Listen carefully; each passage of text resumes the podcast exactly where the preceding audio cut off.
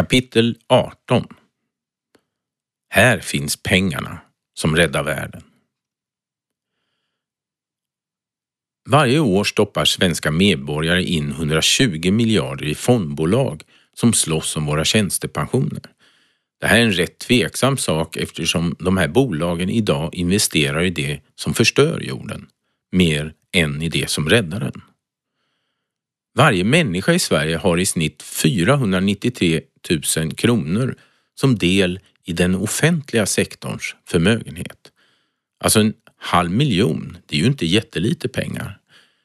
Det betyder att vi tillsammans äger 5 000 miljarder kronor bara genom den här gemensamma sektorn. Kommuner, stat och landsting.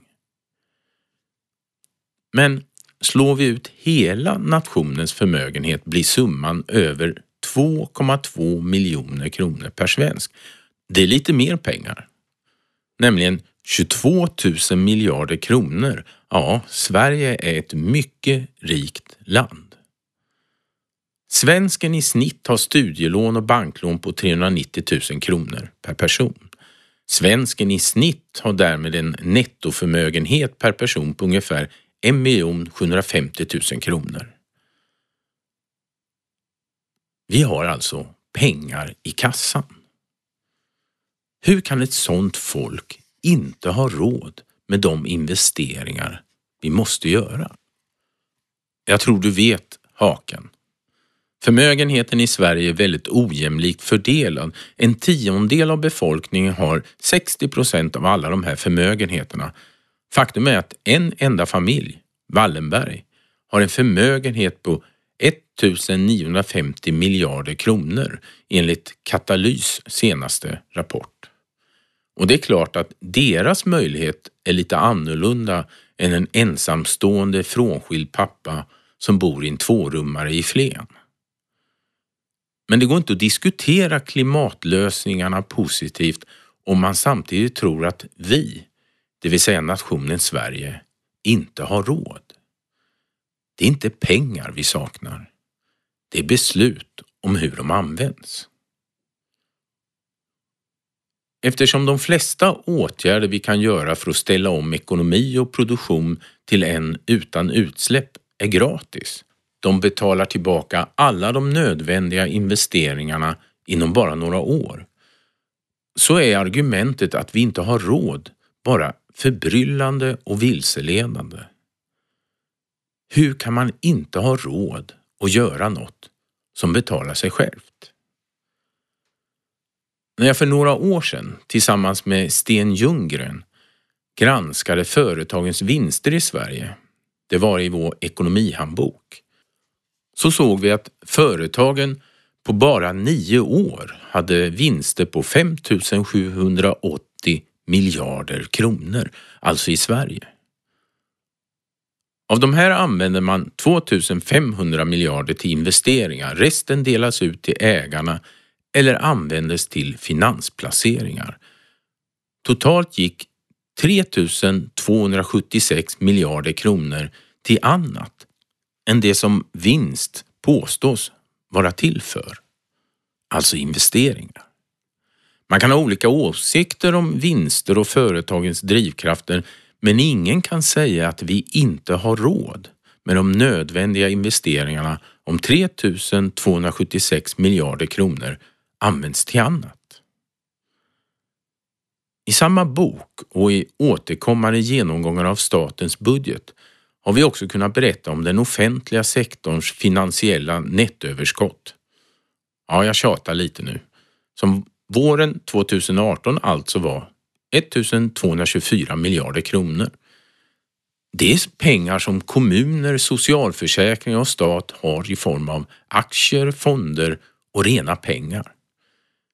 Det mesta av det här överskottet ligger i våra offentliga pensionsfonder som varje år investerar ungefär 125 miljarder kronor av dina och alla andra löntagares pensionsavgifter.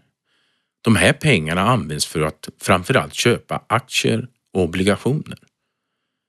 Tänk om de pengarna gick till något nyttigare.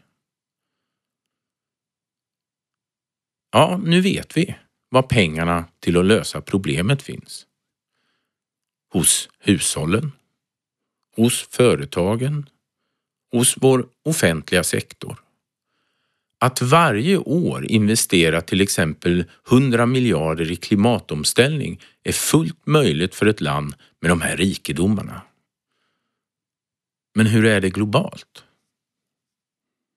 När EU 2010 räknade på de nödvändiga totala investeringarna för att rädda klimatet så handlar det om cirka 1000 miljarder kronor per år.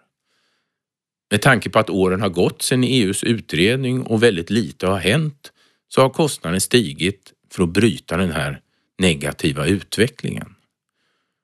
Låt oss för enkelhetens skull utgå ifrån att världens totala kostnader nu är 2000 miljarder kronor per år. Hur mycket pengar är egentligen det?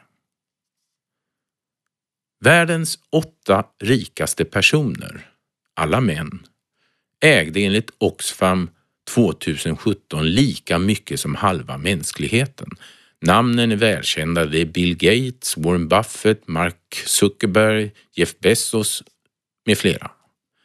De äger i snitt 3 400 miljarder kronor var.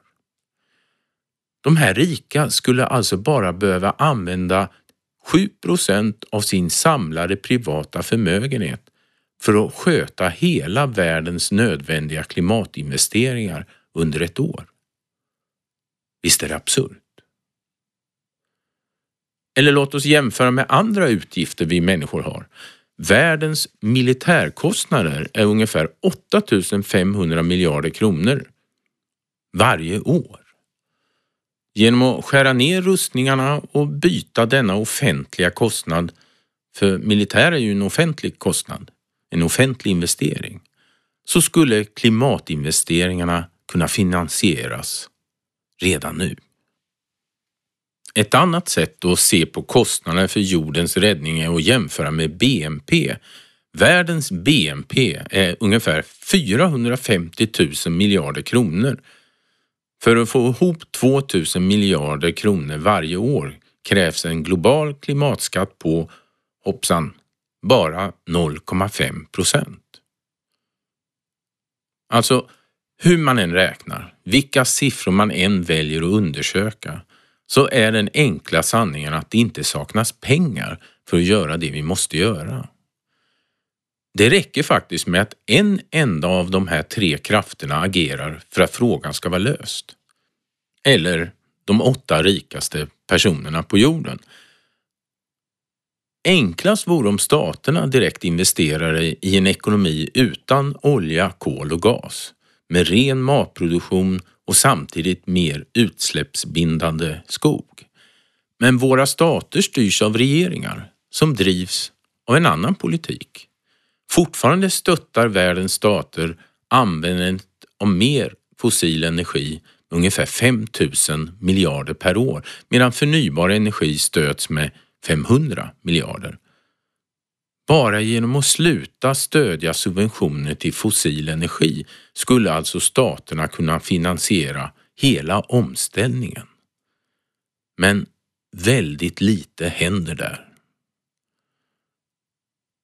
Företagens vilja att stoppa klimathotet står i direkt proportion till vinsten jobben skapar på kort sikt. De flesta företag lever idag på fossil energi och kommer inte att byta förrän alla andra byter och kanske inte ens då, för i så fall skulle de redan ha bytt nu när ren energi är billigare än smutsig. Bara om energin regleras, det vill säga om staterna förbjuder förstörelse, verkar företagen kunna börja agera. Nu återstår därför den enda kraft som verkligen kan skapa en förändring. Du och jag och alla andra som blir detta vi. Det är bara medborgarna som kan agera och tvinga fram en förändring. Det här vet vi sedan många år. När tillräckligt många sätter upp solceller får vi en energirevolution. När tillräckligt många stämmer förstörare eller bojkottar försäkringsbolag som stöder dem så händer något. När tillräckligt många sätter sig ner på motorvägarna för att stoppa de där dieselbilarnas framfart så händer något. När tillräckligt många vägrar köpa nya smutsiga bilar så kommer de rena att produceras. Och när tillräckligt många protesterar mot att kommunen låter byggherrarna skapa nya betonghus så kommer de senare tvingas välja trä istället. Det här handlar ju inte om pengar. Det har aldrig handlat om pengar. Det handlar bara om politik och rörelser och miljoner människor som måste göra det självklara för att allt det andra ska ändras.